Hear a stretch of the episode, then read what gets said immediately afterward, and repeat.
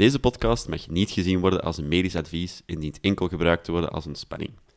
In deze podcast bespreken we onze mening, terwijl je niet beschouwd mag worden als absolute waarheid. Voor medische problemen of vragen over uw gezondheid raden wij steeds aan om uw arts te contacteren.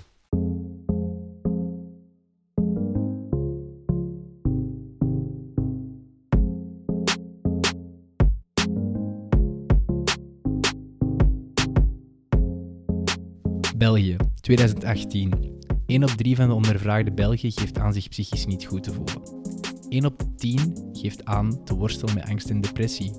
En bijna 1 op de 7 geeft aan ooit in hun leven in contact gekomen te zijn met zelfmoordgedachten. Mentaal welzijn. Het is zo belangrijk en toch vaak wordt het overkeken of zoeken mensen geen hulp. Vandaag een dialoog over hoe herken je bij jezelf dat het niet goed gaat met jou.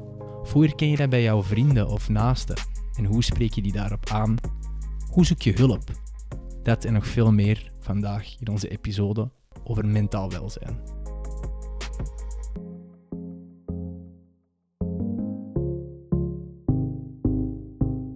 Dag iedereen en welkom bij onze tweede aflevering van onze podcast, waar we Jens en ik het hebben over gezond leven in al zijn facetten. Ik ben Tim de Boek, ik ben huisarts in opleiding en het laatste uh, anderhalf jaar werkte ik in de praktijk. En ik heb bij mij zitten mijn goede vriend Jens Boons. Uh, vooraleer we beginnen, willen we jullie alvast heel hard bedanken voor de eh, overvloed aan positieve reacties en, en, fijne comments, ondanks dat ja, het natuurlijk nog een project in zijn kinderschoentjes is en Jens en ik enorm veel ambetante stopwoorden hebben. Uh, die hebben we er eigenlijk uitgeknipt, hè, die stopwoorden. Om, ja, de meeste. maar in ieder geval heel erg bedankt. En ook voor jullie feedback. Eigenlijk heel veel ja, nuttige tips gehad, hè, Jens? Ja, ik, uh, ik was ja, heel aangenaam verrast eigenlijk van alle positieve feedback die we kregen. Ik wist niet zo goed van wat we moesten verwachten, maar het was eigenlijk heel... Uh, ja, vooral heel positieve dingen die ik gehoord heb. Ja, was heel fijn om te horen en geeft ons weer extra motivatie om voor te doen. En dan zullen we er maar meteen uh, invliegen, denk ik, hè? Ja, let's, let's go. Mijn openingsvraag is, hoe kunnen we eigenlijk herkennen aan onszelf of aan iemand anders dat het niet goed gaat met iemand, dat hij niet goed in zijn vel zit? Heel belangrijk om, om te beseffen dat, dat dat zich op heel verschillende manieren kan uiten. Je kan bijvoorbeeld, ja, wat iedereen misschien wel aan denkt, is dat, dat je stemming kan wisselen. Dus personen kunnen uh, meer boos worden, meer prikkelbaar of meer angstig. Dat verschilt van persoon tot persoon. Maar je kan bijvoorbeeld ook andere tekenen hebben, zoals een vermindering van jouw concentratie, mensen die minder gemotiveerd worden, meer afwezig zijn, punten die ineens dalen zonder echte verklaring. En daarnaast, en ik denk dat dat eigenlijk onderbelicht wordt, is dat er eigenlijk ook heel veel lichamelijke symptomen zijn voor mentaal jou niet goed voelen. En ik bedoel dan um, meer concreet bijvoorbeeld slecht slapen of hoofdpijnklachten. Je hebt ook mensen die ja, bizarre pijnen hebben die maar aanhouden, waar dat geen verklaring voor kan gevonden worden. Je hebt mensen die um, minder eetlust krijgen, last krijgen van hun maag- of darmsysteem, soms chronisch diarree krijgen of een opgeblazen gevoel in de buik. En in extremis heb je ook soms mensen die echt hartkloppingen krijgen, pijn op de borst krijgen en het gevoel dat ze echt een hartaanval krijgen. Of, of mensen die dat zelfs flauw vallen, puur van zich mentaal niet wel voelen of de stress. Nee, dat is wel extreem. Ik wist, ja, ik wist eigenlijk wel dat het voor kon komen dat je fysieke klachten had. Want ik heb dat recent gelezen in een boek. Dat een man die eigenlijk ja, ook ziek was en naar meerdere dokters gegaan is en eigenlijk geen enkele dokter wist wat hij had. Wat hij had. En die is eigenlijk bij een psychiater terechtgekomen. En die psychiater die wist eigenlijk bijna direct van, ja, oké, jij sukkelt met een depressie. Dus dat, ja, dat bevestigt ook wel wat jij zegt. Ja. Ik denk dat het misschien wel fijn is, ook voor veel mensen, dat je kan dus wel degelijk die klachten echt voelen, omdat je jou mentaal niet goed voelt. En, en, en we weten dat dat biologisch ook een verklaring achter zit. Wat ik nu vertel is misschien oversimplistisch, maar zo leg je altijd uit aan patiënten. Dat is, ons lichaam reageert eigenlijk op stress en op je slecht voelen op een heel gelijkaardige manier als we dat vroeger deden. Nu, als wij vroeger stress hadden, dan moesten wij dat krijgen op het moment dat we met een gevaarlijk dier in, in aanraking kwamen of iets in die aard. Wat je dan moest doen, is je moest je lichaam eigenlijk helemaal voorbereiden om ofwel te doen alsof je dood bent en flauw te vallen, of anders, om vol een bak in fysiek verweer te gaan en te vechten met dat beest. Dus dat jouw hart begint snel te kloppen, dat jouw bloeddruk naar boven gaat, dat je heel alert wordt. Dan heb je het echt over die extreme Ja, situaties. de wel. extreme stresssituaties inderdaad. En, en de stressoren nu zijn een beetje anders dan vroeger, maar voor een groot deel is de respons van ons lichaam daar nog een beetje onaangepast. Oké. Ehm, dus er is wel echt een biolo- biologische verklaring voor. En, en ik wil dan maar zeggen om de mensen niet te minimaliseren in wat ze voelen. En, en dat mensen zich zeker ook niet aangevallen moeten voelen als een, als een dokter of, of iemand anders ooit eens ter sprake bent van hey, zou het wel ook niet goed met jou kunnen gaan? Ja. Oké. Hoe kunnen we iemand benaderen en hoe kunnen we iemand helpen waarvan dat we vermoeden dat het niet goed gaat met die persoon? Ik denk het is heel belangrijk dat je. Misschien, moet, wacht, misschien moeten we gewoon een paar tips geven. Hè? Ehm, het belangrijkste is eigenlijk dat je niet iemand ja, het gevoel geeft dat hij met zijn rug tegen de muur staat. Het is Dus- al een beetje vroeg om de tips van Tim al te beginnen. Hè? nee, nee, nee. De tips van team komen nog. Maar concreet voor dit probleem. Dus ik denk het is heel belangrijk dat je vertrekt vanuit wat jij voelt. Zo leg je niemand woorden in de mond en creëer je veel ruimte. Dat jij aangeeft van, ik heb dit opgemerkt, zou het kunnen dat het niet goed gaat met jou? Of zit ik ernaast? Buiten dat denk ik dat het belangrijk is dat je ook een juiste moment kiest om dat te vragen. Dat je een moment kiest die rustig is, dat je ook effectief tijd hebt om als die persoon daarop wilt inpikken, dat je echt kan luisteren. Mhm. Dus dat je dat niet op een ongepaste moment vraagt. En dan denk ik ook dat het belangrijk is dat de- sommige mensen kunnen heel goed over hun gevoelens praten en anderen niet. Dat je altijd een soort van deur openlaat dat die persoon op een later moment kan terugkoppelen naar jou. Dus als die op het moment zelf te veel stress heeft, of, of, of zo wat off-guard toch is, Ja. dat hij dan op een manier kan terugkoppelen naar jou van op een later moment, wanneer hij daar comfortabel mee is of zij. Hm. hey, ik, kan, ik wil toch daar iets over zeggen. Oké. Is, er, is er iets wat dat wij moeten doen als helpende partij of moeten zeggen om te helpen? Of is het eigenlijk gewoon vooral luisteren dan? Luisteren en... Ah ja. Wat zou jij het liefste willen? Goh, wat ik het liefst zou willen. ehm, ik denk dat je altijd wel op zoek bent naar een gouden tip of zo. Maar ik denk dat je ergens ook wel beseft dat die, dat die niet gaat komen, zomaar. Maar ja, ik denk dat dat vooral belangrijk is dat je gehoord wordt en begrepen wordt hè, als je het gesprek kan gaan met iemand. Ik denk dat dat altijd de- de eerste stap is. Ja, ik denk dat je daar de nagel op de kop slaat. Ik denk dat het inderdaad heel belangrijk is. Zeker als vriend, je bent niet, niet opgeleid om, om, om therapie te bieden aan iemand. Of je bent niet opgeleid om, om mentale hulp te geven. Dus het feit dat jij een soort van klankbord bent, waar dat die persoon al zijn verhaal kwijt kan, en daardoor niet meer alleen is in dat proces, ik denk dat dat het belangrijkste is. En, en je mag ook zeker aan die persoon aangeven van oei, dat, dat, dat verba allee, dat, ik schrik daar wel van dat je dat zegt. Zouden we voor jou niet samen eens kijken of we wat hulp kunnen zoeken nog Mm. buiten mij of zo, hè, als je voelt dat dat je grens voorbij gaat? Ik denk inderdaad dat het, het luisteren veel belangrijker is dan het concreet oplossingsbieden. Dat is eigenlijk nu verantwoordelijkheid als vriend of familielid. Hoe ik dat zelf ervaar, is... Ja, als ik spreek met iemand over een probleem of ergens waar ik mee zit, is het, is het feit dat ik het aan het zeggen ben, dat bij mij ook al zo wat... Ja, voor een stuk... Structuur geeft. Ja, eigenlijk wel. En ook zo wat om dat een plaats te geven of zo. En dat moet niet per se... ah Ja, dan heb ik het niet over een gigantisch mentaal probleem of zo, maar gewoon ergens mee zitten. Mhm. Luisteren is veel belangrijker dan, dan al snel met uw eigen idee of oordeel komen. Want dat zorgt er vaak voor dat de persoon een beetje dichtklapt en ehm, niet heel zijn verhaal vertelt. ik moet wel zeggen van oké, er zijn mensen die snel iets tegen iemand zullen zeggen, maar er zijn ook veel introverte mensen die niet snel dat gaan zeggen tegen iemand. Misschien zelfs niet als het gevraagd wordt, dat die gewoon gaan zeggen van nee, alles is oké. Hoe kan die actie ondernemen? Kan die misschien heel laagdrempelig met iemand gaan spreken? Waar, waar raad je aan aan zo'n mensen?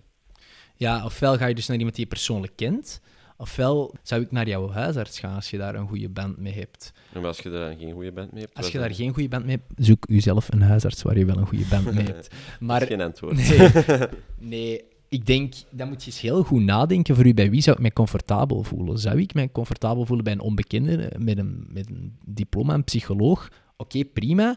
dan, dan moet je de vraag stellen, heb ik geld of niet? Heb je geen geld, kan je naar eerste lijnstherapeuten of psychologen gaan.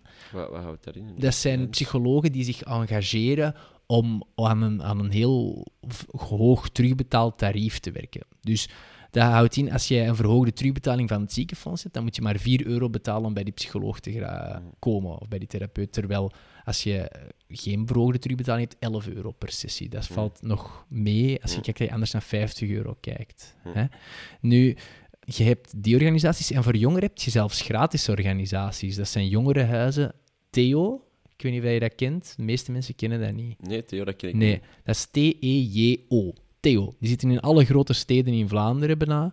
Dat zijn eh, huizen waar je gewoon kan binnenspringen voor een babbel te doen. Na de schooluren zijn die voornamelijk open. En dat is echt voor jongeren. Hè. Dus dat is niet meer voor werkenden. Dat is eerder voor tieners en, en beginnende studenten. Nu, wat dat ik zou doen, onafhankelijk van of, of dat je een goede band hebt of niet met je huisarts, is dat je via je huisarts toch probeert dat contact te zoeken. Je moet daarom niet heel dat probleem uit de doeken doen bij je huisarts, maar die... Die kan u wel op weg helpen. Ja. Naar, naar misschien Ja. iemand dat, dat, dat wel met u kan spreken. Exact, die weten wat meer voor de regio waar dat ze binnen werken.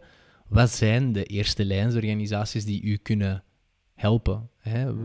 Bij wie kan je terecht, aan welk tarief? En de meeste huisartsen, zeker de moderne generatie huisartsen, die worden daar ook in opgeleid. Oké, en stel, je bent toch zo aan een koppengaard en je wilt dat zelf oplossen. Je mentale problemen. Zijn er manieren van zelfhelp die we, die we kunnen toepassen? Ik denk dat er niemand is die zich mentaal onwel voelt, die nog niet heeft gedacht van hé, hey, ik wil zelf mijn problemen gaan oplossen. Hmm. Ik denk dat de meeste mensen die de realisatie maken, toch wel proberen eerst hun problemen zelf op te lossen. Dus ik denk dat eigenlijk de populatie waar we nu over spreken, de mensen waar we nu over spreken, dat die eigenlijk vaak toch wel externe hulp nodig hebben. Het is vaak veel om alleen te dragen en deze aflevering wil ook de focus leggen op er zijn veel manieren om hulp te zoeken. Oké, Dus doe dat. Oké, dus we hebben net besproken hoe dat we iemand kunnen benaderen, ehm, hoe dat we het kunnen herkennen. Misschien, wat kunnen we preventief doen om, om te vermijden dat we een mentaal probleem krijgen of in een depressie geraken? Of misschien om ons net weerbaar te maken voor als het mentaal moeilijker wordt. Hè, dat, we, dat we voorbereid zijn op, op, op een moeilijker moment. Je kan je niet op alles voorbereiden natuurlijk, maar het is wel zeker waardevol om te investeren in jouw mentale gezondheid. Nu, volgens mij, om het oversimplistisch voor te stellen, is eigenlijk je mentaal evenwicht letterlijk een evenwicht, gelijk een soort van weegschaal. En aan één kant van die weegschaal een hele hoop gewichten liggen die dat u stress geven, hè, uw stressoren. Dat kan bijvoorbeeld zijn een, een slechte relatie met uw baas op het werk, of een, of een veel eisende job, of een recent overlijden in de familie en ziekte. Nu, die blokken die variëren van tijd tot tijd. En de ene keer liggen daar heel veel blokken, en de andere keer ligt daar maar één blok of een heel licht blokje. Nu, je moet die een weegschaal in balans proberen houden. Want anders dan zakt je door. Of dat daar nu één of twee of drie stressoren liggen, dan zakt je door.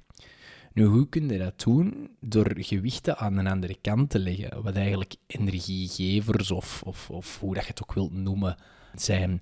En we weten eigenlijk dat daar een hele hoop dingen passen, zoals bijvoorbeeld een uurtje voor jezelf, een vast moment dat je tijd investeert in jouzelf. En, mm, dat is dan gewoon dat je een hobby doet of iets ontspannend doet. Of hoe moet je dat dan invullen, dat, in, dat uur voor jezelf? Je daar, is daar een concrete voorwaarde voor of maakt er niet heel veel uit? Ik denk het belangrijkste aan dat concept is dat je daar strikt in bent voor jou, dat je dat elke dag doet. De invulling daarvan is heel persoonlijk afhankelijk. Ik zeg altijd van, doe dat, eh, vul dat in met iets wat jij fijn vindt of leuk vindt. Ehm, als dat is een, een hobby doen, een sport, mag dat zeker, maar dat kan veel eenvoudiger zijn. Dat mag ook een wandelingetje, een avondwandeling zijn, of dat kan ook een bad nemen en een boek lezen zijn, bijvoorbeeld. Dat moet niet iets heel ingewikkeld zijn. Oké. Ja, nu andere tips is, we weten, ja, een gezond lichaam heeft ook invloed op jouw geest. Dus over ehm, gezond lichaam bedoel ik dan een gezond dieet en regelmatig sporten of bewegen zorgt ook direct voor een, een betere mentale gezondheid. Dat is biologisch heel moeilijk, daar gaan we nu niet helemaal op in, maar dat helpt bijvoorbeeld ook al. En daarnaast weten we dat we sociale, sociale mensen of wezens zijn. U omringen met juist, de juiste mensen en regelmatig sociaal contact op uh, zoeken, helpt bijvoorbeeld ook al om jou meer weerbaar te maken. Mag ik daar op inpikken? En nu met de COVID hebben veel mensen alleen gezeten. Heeft dat dan ook een negatieve impact gehad op sociaal welzijn van mensen? Ja, zeker wel. Hè. Op mentaal welzijn klopt. 100 Dus dat bewijst dan ook een beetje dat we toch dat contact nodig hebben om mentaal in orde te blijven. Inderdaad, inderdaad. Nu, het laatste waar ik nog kort even over wou hebben bij deze soort van ondersteunende factoren of energiegevers, is dat we ook wel um, iets heel hip is mindfulness. Hè? Ja, ik weet niet of je dat kent of... Ik heb er al wel iets van gehoord. Ik ken daar het fijne niet van. Hoe dat ik dat interpreteer, is als echt zo in het moment leven en heel bewust zijn van alles rond u of zo. Dat is het meeste dat ik er eigenlijk over kan zeggen. Ja, ik denk dat dat eigenlijk alles vrij goed dikt. Hè?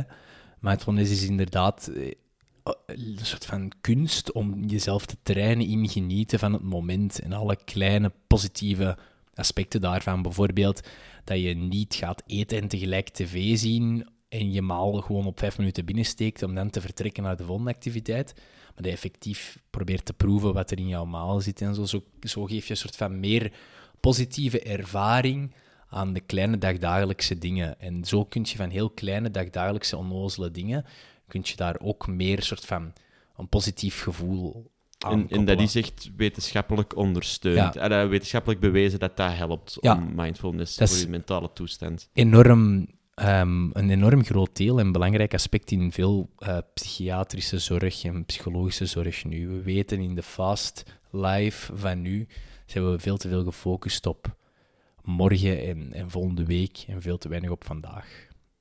Alright, en nog even kort. Meditatie, is dat ook iets dat zou helpen? Of kun je daar weinig wetenschappelijk zinnigs over zeggen? Ja, meditatie is volgens mij een beetje mindfulness in extremis. Hè? Ik denk, meditatie kan ervoor zorgen dat je heel bewust bent van het moment zelf. Maar meditatie kan ook echt die rust creëren. Hè? Ehm, dat je je afzondert, dat je je focust op je ademhaling en de gedachten die in jouw hoofd komen. ik zeg het, als je regelmatig een meditatiemoment creëert, dan denk ik dat dat voor veel mensen wel rust kan bieden. En nog een laatste ding daarover. Als mensen met mindfulness zelf willen starten, hoe zouden ze dat dan moeten doen volgens u? Kunnen ze op hun eigen starten? Ja, mindfulness wordt op verschillende manieren aangeleerd. In mijn ervaring is dat meestal met psychologen of soms eh, met therapeuten of, of life coaches. Met life coaches moet je natuurlijk altijd wel oppassen. Um, omdat sommige life coaches zijn beter opgeleid dan anderen. Maar ja, uh, mindfulness zit ook in heel kleine dingen. Hè? Doordat jij structureel dat uurtje voor jezelf inplant en probeert dan je gsm te laten liggen en echt investeert in genieten van dat moment, werk je ook al een beetje aan mindfulness. Ja. Oké. Dankjewel. Vandaag geen mythe van de week als onderbreking. Nee. Maar ik had begrepen dat we dan misschien wel iets anders gingen doen. Een toets. Een toets, oké. Okay. een toets, Jens. Een toets. Dus ik ga nu een aantal mythes over ja, het thema mentale gezondheid presenteren. Um, of een aantal stellingen, sorry. En jij moet zeggen, volgens mij is deze een mythe of volgens mij is deze een feit. Oké. De eerste mythe is Allee, of, of het eerste feit. Ik heb toch gezegd dat het een mythe is, dus... Ik heb... Nee, ik, ik zal gewoon een willekeurige pakken. Dat is goed, Dus, uh, mensen met een psychische aandoening zijn gevaarlijker dan de rest van de bevolking. Ik durf eigenlijk al geen feit te zeggen, dat klinkt zo echt grof. Oké, okay, mythe. Politiek correcte antwoord. Nee, um, um, in context, we weten dat maar een heel klein procent van alle gewelddadige feiten kunnen eigenlijk toegewezen worden aan mensen die ernstige psychiatrische problemen hebben. Ze zeggen dat dat maar rond de 5% is. Die cijfers verschillen een beetje, maar dus dat is 1 op 20. Dus dat is niet veel. Hè. En het grappige is, dat is echt niet grappig, dat is het verkeerde woord. Oké, ga uh, verder. Het, het um, ironische? Ironische, dat is het woord dat ik zocht. Het ironische is dat mensen die lijden aan ernstige psychiatrische problemen vaak veel meer het slachtoffer zijn van net gewelddadige activiteiten dan mensen die dat dan niet hebben. En dat, is eigenlijk wel ook logisch ergens. Dat is inderdaad niet grappig. Nee, dat is echt niet grappig. En dat is dus een eye-opener wel. Mm. Want dat wordt helaas soms in het nieuws wel zo afgebeeld als de psychopaat deed weer dit, of, of Mm. die had borderline, of Mm. weet je, allee, Ja. ja. Ja, shoot me the next one. Kom. Next one. 2. Mythe of waar? Mentaal welzijn kan bijdragen tot een langer leven. Dat is waar. Klopt, dat is zeker waar. Er zijn meer en meer recente studies die aantonen dat, dat de mentale gezondheid heel close verwezen is, eh, verweven is met een eh, langere levensduur en een gezonder leven. 3. Mensen met geestelijke of mentale problemen genezen daar meestal niet van. Mm, waar? Mm, Je ik weet denk het dat zelf niet. Nee, ik snap waarom dat je waar zou zeggen, maar het is niet waar. Hè. Dus eh, nu, genezen, meestal mm, ehm, mensen, er zijn heel veel psychiatrische aandoeningen waar je wel echt van kan genezen, bijvoorbeeld OCD, zoveel van die zaken. Maar er zijn ook bepaalde ja, psychische aandoeningen die je wel met je meesleept heel je leven lang, die ontwikkeld zijn van een bepaald trauma dat je hebt meegemaakt of zo. Maar ik denk, als je genezen bekijkt in, in, de, in de zin van die kunnen terug gaan functioneren in de maatschappij en een, een gel- relatief gelukkig of gelukkig leven leiden, denk ik dat merendeel, kan je stellen, wel geneest. Dus een beetje een dubbele vraag, maar eigenlijk zou ik zeggen dat het een mythe is. Vraag 4. Enkel de zwakkeren worden getroffen door psychische problemen. Mm, dat lijkt mij een mythe. Ik denk dat iedereen getroffen kan worden door psychische problemen. Klopt. Zeker ehm, voor mij persoonlijk, als, dan moet ik zo terugdenken aan een oorlog of zo. Eh, omdat mijn, mijn grootmoeder vertelt daar soms over. En die, mijn grootvader, eh, ja, nee, de, mijn overgrootvader, die is ook ja, psychisch helemaal depressief teruggekomen van een oorlog. Eh, Post-traumatic stress post-traumatic syndroom. stress zo, syndroom, ja, ja. Maar dan heel extreem en eh met et cetera. Dus ja, destijds waren er heel veel mensen die, die ja, Mhm. Daar heel veel mentale problemen over hebben gehad. Ik denk volgens mij dat iedereen wel mentale Ja. problemen kan hebben. Ik denk dat je 100% gelijk hebt. Het is altijd een combinatie van een soort van aard en vatbaarheid en een combinatie van omgeving. Hè? Dus invloeden die je meemaakt. Hm. En, en afhankelijk van welk psychiatrisch probleem of mentaal probleem dat we over spreken, weten we dat er een grotere component erfelijkheid is of een grotere component omgeving. Maar al bij is er geen enkele psychiatrische aandoening, denk ik. Nu moet ik opletten ik geen fout maak, maar er zijn vrijwel geen psychiatrische aandoeningen waar dat je zuiver ehm, alleen dat genetisch of dat effect van ik ben zwakker in hebt. Dus dat is heel kort door de bocht. Oké, een volgende vraag. Wat veroorzaakt nu een psychisch probleem? Komt dat nu dat ik ineens, stel nu, depressief ben? Wa- Wat, zijn, ja, wat zorgt daarvoor? Ah, wel, dat is dus heel verschillend voor elk eh, mentaal probleem of zeker elke psychiatrische aandoening dat er is. Hè. Ehm, we weten bij dat één, de werking van jouw hersenen daar heel belangrijk in is. Dus hoe dat de zenuwcellen met elkaar communiceren en, en, en hoe gevoelig dat die zenuwcellen aan bepaalde communicatiemiddelen zijn, is heel verschillend van persoon tot persoon. Maar we weten dan ook dat de invloed van de omgeving heel belangrijk is. Hè? Dus iemand die repetitief geen oor krijgt voor emoties, of die moet blijven onderdrukken en onderdrukken en onderdrukken, of repetitief heel traumatische dingen ondervindt, die gaan meer kans hebben om een psychiatrische, bepaalde psychiatrische aandoeningen te krijgen of mentale problemen te ontwikkelen. En zou je eerder zeggen van het is het merendeel onze aard, of het is merendeel omgeving, of is het heel, of is dat, Dat wisselt. dat is onwetenschappelijk om te Nee, nee, nee, nee, dat wisselt van aandoening tot aandoening. Oké. Dus er zijn sommige aandoeningen waar een heel grote component erfelijkheid is en bij andere veel minder. Oké. Zijn er dan dingen die we beter vermijden ten voordele van onze mentale gezondheid?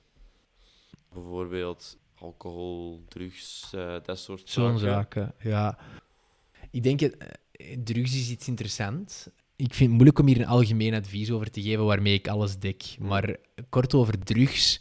Het probleem met drugs is, dat zijn chemische stoffen die tegenwoordig gemaakt worden in laboratoria. Dat zijn stoffen die eigenlijk uw hele zenuwstelsel een beetje ontregelen. Die werken via het beloningscentrum. Hè, dus eh, onze zenuwcellen communiceren met elkaar door middel van verschillende kleine stofjes vrij te Mm. zetten. En, en één stofje, waardoor dat zenuwstelsel A zegt, eh, zenuwcel A zegt tegen zenuwcel B, hey, jij moet afvuren en het is een feestje hier, is dopamine ehm, dat ze gebruiken. En dopamine is iets dat wij vrijzetten in, in degelijke hoeveelheden als wij iets lekker eten of als wij een sportprestatie doen waar wij ons tevreden over voelen of, of iets in die aard. Dat is iets dat ons eigenlijk biologisch zou moeten stimuleren om zaken te doen die gezond zijn voor ons of die ons bepaalde voordelen bieden in, in, Mm. in sociaal gedrag of in, in whatever, in, in dingen die goed zijn voor ons lichaam. Nu, het probleem met drugs is dat drugs zorgt eigenlijk voor een communicatie tussen zenuwcellen, eh, cellen, ook met dopamine voornamelijk. Maar drugs is zo chemisch verfijnd en zo perfect ontwikkeld om die cellen op zo'n krachtige manier te stimuleren, dat je zoveel dopamine vrijzet, dat eh je zenuwcellen, als je dat regelmatig doet, daar zo gewoon aan worden, dat al die andere prikkels die er net besproken werden, eigenlijk niet meer die zenuwcellen in dezelfde mate stimuleren. Dus als je lichaam gewoon is van overladen te worden met prikkels van drugs, ga jij veel minder betekenis geven aan een lekkere maaltijd of een goede sportprestatie of iets in die aard. En dat zou kunnen leiden tot ja, bijvoorbeeld een depressie of zo. Het Ja, feit dat je eigenlijk het leven maar wat saai aanvoelt doordat je verlamd bent van de drugs, om het zo te zeggen. Ja, inderdaad. Uiteindelijk wil je op die moment voelt alles niet bijzonder aan. Hè? En voelt je leven rapper be- minder betekenisvol aan of weinig betekenisvol. En is het enige wat nog een oplossing kan bieden dat je terug diezelfde krachtige stimulus eh, gaat zoeken. Wat dan gebruiken is. Hè? Mm. Dus vlak... Zouden we dat kunnen zeggen dat dat geldig is voor elke verslaving? Of dat dat echt alleen is voor drugs? Ik denk dat daar, dat daar wel verschillen in zijn, afhankelijk ook van hoe krachtig dat, dat je dopamine-release en zo stimuleert. Interessante opmerking is ook wel dat dat dopaminesysteem is heel belangrijk. En we weten dat dat ook gerelateerd is aan bepaalde ja, psychosen en zo van die zaken. Dus dat mensen eigenlijk ja, dingen waarnemen die niet kloppen met de realiteit. Typische waan kan zijn een betrekkingswaan. Dus dat je de indruk hebt dat iemand op de tv aan het spreken is en dat hij echt specifiek tegen jou aan het spreken is. Of je kan bijvoorbeeld een paranoïde waan hebben. Dat je denkt, die ene persoon die achtervolgt mij helemaal op. Allee, al een hele tijd op straat, terwijl die dat niet doen. Of ze willen mij hier in het zak zetten. Allee, je hebt heel veel verschillende wanen. En hoe, kom, hoe komt het dan dat je dat specifiek van drugs krijgt? Heeft dat te maken met je dopaminesysteem? Of... Ah, wel, eh, wat we denken is dat wanen ontstaan doordat eigenlijk er te veel dopamine wordt vrijgezet op, een stimulus die eigenlijk normaal veel minder dopamine moet vrijzetten. Waardoor dat we daar eigenlijk een soort van buitensporige, bijzondere betekenis aan willen geven. Zo kan dat bijvoorbeeld dus zijn als je tv kijkt, dat er normaal niet veel doet met je, maar als door een bepaalde ontregeling in je hersenen net die dopamine heel hard piekt op een, op een moment dat, dat de nieuwslezer iets aan het zeggen is, kan dat zijn dat, dat je hersenen nu wijs maken dat eigenlijk die nieuwslezer het tegen u heeft. Of, dus... Dus je kunt dan in een psychose belanden. En kunnen daar dan achteraf nog effect van hebben? Dus nu het voorbeeld van een tv, zouden dan achteraf ook nog je hersenen onthouden van vorige keer was die tv-ervaring heel speciaal. Kan je dopamine dan terug pieken als je achteraf terug tv kijkt? Of gaat dat... moeilijk. Hm. Ik denk dat je, eh, het belangrijk is dat je wel herhaaldelijk abnormale stimuli moet hebben en niet eenmalig natuurlijk. Anders ga je misschien terugkijken op mij, dat was iets raar en dan nog kunnen kaderen. Ik denk dat je echt een ontregeling nodig hebt vooraleer dat je echt een, een ziektebeeld krijgt. Nu, misschien wat ik het ook wel over wou hebben en dat we nog niet hebben aangehaald, is van, wat nu als het echt heel slecht gaat, je laat het uit de Ja. hand lopen, je zit heel diep en, en, en je, je ziet het echt zwartgallig in. Je ziet het zelf zo erg in dat je soms begint te denken van ik zou er beter niet meer zijn of erger. Ik zou ermee willen stoppen. Hm. Eventueel dat je zelfs al in de ergste fase een, een concreet plan begint te maken van hey, ik, ik zou op deze manier uit het leven willen stappen. Oké, dus wat, wat doen we dan als ik mij zo voel? Of wat doe ik als ik iemand anders... Als ik merk dat iemand anders zich misschien zo zou kunnen voelen? Mhm. Voor jouzelf hè? Ehm, of voor iemand anders. Je hebt eigenlijk verschillende paden die je kunt bewandelen. Dus ofwel stap je naar een van de hulpverleners of, of kennissen waar we het er net over hadden. Maar als die drempel te groot is, wil ik toch even de zelfmoordlijn even in de aandacht brengen. Dat is het nummer ehm, 1813. Dat is een nummer die 24 op 7 bereikbaar is. Als je op Google intikt ehm, de zelfmoordlijn, dan ga je ook een website vinden waar je ook kunt chatten met die mensen of een mail kunt sturen. Maar die telefoonlijn is 24 op 7 bereikbaar. Mhm. Je moet weten, als je daar naar belt, dat is altijd anoniem. Dus je spreekt met iemand die je nooit meer gaat horen. Die is iemand die daar een korte opleiding heeft gehad ook, ehm, over hoe spreken over dat thema en zo van die zaken. Maar wat ik denk dat veel mensen niet weten, is dat je daar ook naar mocht bellen als je vragen hebt over iemand anders met zelfmoordgedachten of waarvan je denkt dat hij zelfmoordgedachten heeft. Dus dat moet niet alleen over jou gaan. Belangrijk. Ja, Ja, belangrijk om nog even mee te geven. Dat als het echt niet goed gaat, bel de zelfmoordlijn. 1813, jongens. Echt heel belangrijk. Het, soms zitten we allemaal er even door en zeggen van het gaat niet. En dat uitspreken tegen iemand en dat gevoel krijgen van dat je niet alleen bent, kan soms u net doen doorzetten en motiveren om de volgende dag toch die hulp te zoeken. Dus 1813, vergeet het niet. Oké. Dan zullen we hier, denk ik, afronden. We zijn eigenlijk al vrij lang bezig. Dus dan gaan we overgaan op de tips van Tim. Yes, de tips. Let's go. Tel jij af? Of Ik zou gewoon beginnen bij tip 1, hè. dus optellen eigenlijk. Hè. optellen? Het is niet zo, doktoren kunnen niet tellen. Tip 1. Je moet zeker niet vergeten om ook aan me- mentale gezondheidsproblemen te denken bij fysieke klachten. Dat is heel frequent. Dus dat komt eigenlijk vaker voor dan dat we denken. Ja. Komt Hm. veel vaker voor dan dat we denken. Eh, tip 2. Bereid je voor op zware tijden en train je mentale weerbaarheid. Investeer in een gezonde levensstijl en gezond eten. En pak elke dag een momentje voor jezelf en probeer dat heel mindful te beleven. Oké, tip 3. Als je iemand wilt aanspreken bij wie dat je denkt dat hij zich niet goed voelt, spreek dan vooral vanuit wat jij voelt en doe het op een rustige moment. Zo kan je één ruimte creëren dat op dat moment het probleem wordt opgelost, maar zo kan je ook makkelijker een open deur laten voor later. Tip 4. Stay away from drugs and overstimulating substances, kids. Stay in school, kids. Mag ook. De vijfde en laatste tip. We hebben in het begin wat cijfers aangehaald. Misschien is het belangrijkste dat bij één op de drie mensen toch regelmatig wel eens niet zo goed gaat. Het is een heel frequent voorkomend probleem, u niet goed voelen en mentaal onwelzijn. Weet ook dat er heel veel mensen zijn die u heel graag willen helpen, op heel veel verschillende wijzen. Dus praat erover. Praat erover met iemand waar jij jou comfortabel bij voelt. Zoek jouw vriend op, zoek desnoods jouw huisarts op. Ik denk dat dat een heel goede soort van eerste aansprekingspunt is.